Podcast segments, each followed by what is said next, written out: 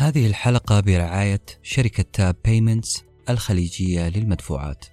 إذا كنت تقدم خدمات زي ال freelancers عندك متجر على إنستغرام أو صاحب مشروع أو حتى من الأسر المنتجة. فتطبيق goCollect من شركة Tap مهم جدا لك. التطبيق يساعدك بأن الفواتير بينك وبين عميلك تكون بشكل أسهل وأكثر تطورا. تقدر تسوي فواتير إلكترونية على شكل رابط دفع. وترسلها لعملائك من خلال التطبيق ويسددوها بالطرق المفضلة لهم مثل مدى أو Apple Pay وتحصل فلوسك على حسابك البنكي بكل سهولة. والأجمل أنك تقدر تقدم هالخدمة لعملائك في المملكة وخارجها. بكل بساطة واحد أنشئ الفاتورة اثنين أرسل رابط الدفع ثلاثة حصل فلوسك. تقدر تحمل تطبيق goCollect الآن وتتعرف على طريقة عمله في وصف الحلقة. عندما تنظر إلى النجوم في الفضاء السحيق فسترى العجب. آلاف النجوم التي تتنافس للفت نظرك وتنشيط أحلامك. صحيح أن النظر مسموح ولكن أحلامنا للوصول إلى هذه النجوم يصطدم بجدار الواقع جدار المسافات. المسافة بيننا وبين النجوم وبالذات الكواكب الخارجية أو ما يسمى بالإكسوبلانتس تجعل السفر إليها أشبه بالمستحيل. بل هو المستحيل نفسه. ولو تخيلنا فقط أننا اقتربنا منها فإن قوى الجاذبية ستجعل هذا الخيال انتحار رسمي. ما هي الكواكب الخارجية؟ هنا أصل قصتنا لليوم.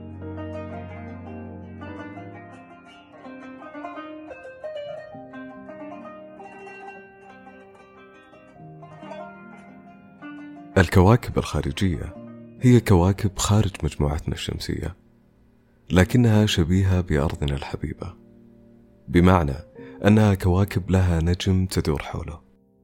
أشهر هذه الكواكب وأقربها لنا هو كوكب بروكسيما بي وعندما نقول كلمة أقرب أرجو أن لا يخطر في بالكم أنها ساعات طويلة من الطيران وكأننا نتحدث عن رحلة إلى إندونيسيا أو أستراليا.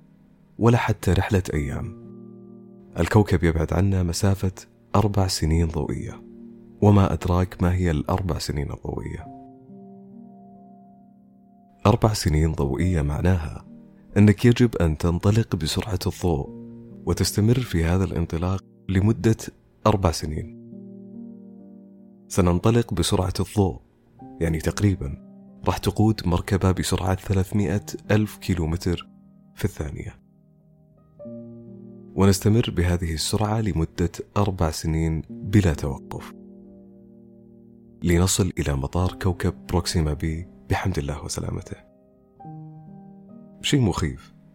ورغم الخوف والمسافة لا زلت أرفض المسافة وأقول أن هذا الكوكب هو أقرب كوكب خارجي. لنا كأرضيين. بروكسيما بي هو فعلا أشبه الكواكب للأرض. لأن زي ما عندنا شمس ندور حولها هو كذلك. له نجم يدور حوله. هذا النجم اسمه بروكسيما سنتوري. النجم بكواكبه الخارجية يعيش في منطقة تسمى بالنطاق الصالح للحياة.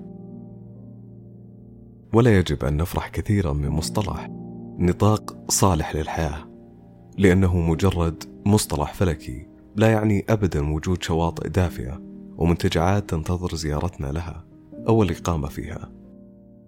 بل هي مناطق يعتقد باحتوائها على ظروف مناسبة لتواجد الماء السائل. لكن للأسف أخبار ناسا ليست سارة تماما لأن مجرد وجود كوكب في النطاق الصالح للحياة لا يضمن مئة بالمئة وجود ماء على سطح الكوكب ولا يضمن وجود غلاف جوي لهذا الكوكب. والغلاف الجوي يعني غطاء واقي أشبه بغطاء محمية زراعية توفر التوازن الجوي للمكان بالعربي لا توجد أي ضمانات بأن بروكسيما يمتلك هذا الغلاف هل يعني هذا أن نفقد الأمل في العيش على ظهر بروكسيما بي؟ ماذا لو ذهبنا لكواكب أبعد؟ هل ممكن أن نجد فيها مكان للعيش؟ الإجابة نعم ولا.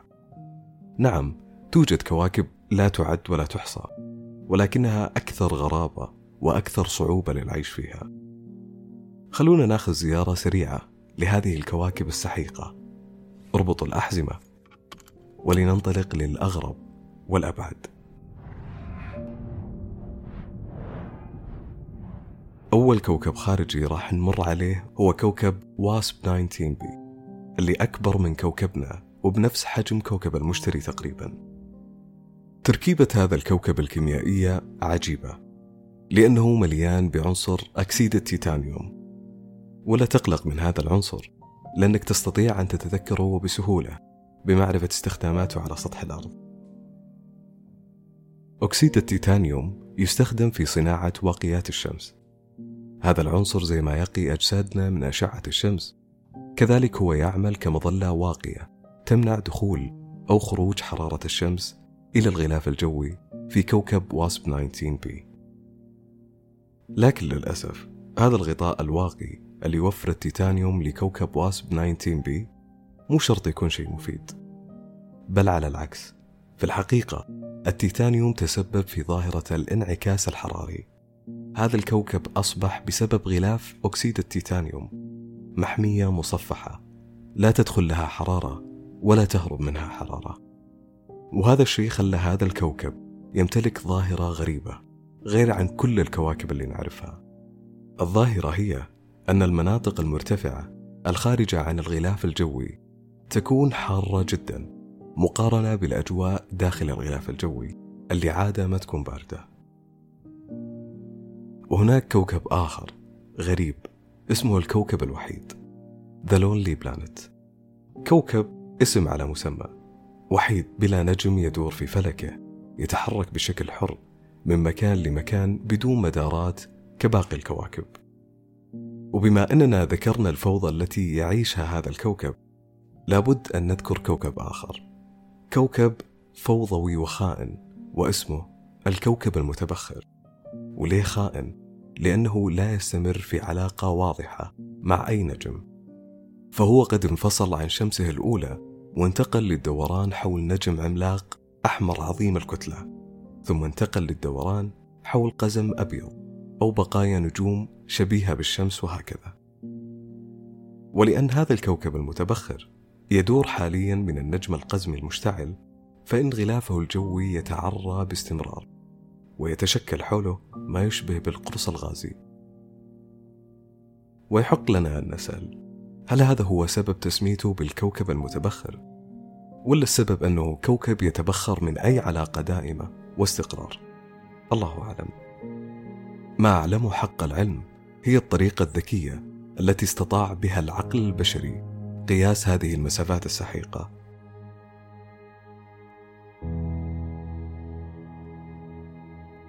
عقول حلمت وقلوب تمنت أن نعرف كم نحتاج لقطع هذه المسافات. بدأت أحلامنا عام 1500 ميلادي مع الفيلسوف الإيطالي جيوردانو برونو اللي كتب نظريات تؤكد وجود كواكب صالحة للحياة. ثم إسحاق نيوتن في كتابه الأصول الرياضية للفلسفة الطبيعية واللي أصر فيها على وجود أنظمة شمسية تشبه نظامنا الشمسي. لكن الدليل المادي القوي لم يأتي حتى عام 1988 على يد باحثين كنديين. رصدوا كوكب ضخم يدور حول نجم على بعد 45 سنة ضوئية عننا. وأخيرا في 2003 تم التأكد وبشكل واضح على أن الكواكب الخارجية توجد فعلا وتشبه أرضنا وسلوكها مع الشمس. وصلت الكواكب المكتشفة إلى أربع ألاف كوكب وهذا الرقم في طريقه للمضاعفة قريبا مع تطور التكنولوجيا. ولا تزال المحاولات جارية بإيقاع متسارع وموالات الفلكين تطرب أسماعنا بجملة موسيقية تقول أرفض المسافة كنت معكم أنا أحمد الحربي وقام بالكتابة أنس بن حسين في حفظ الله.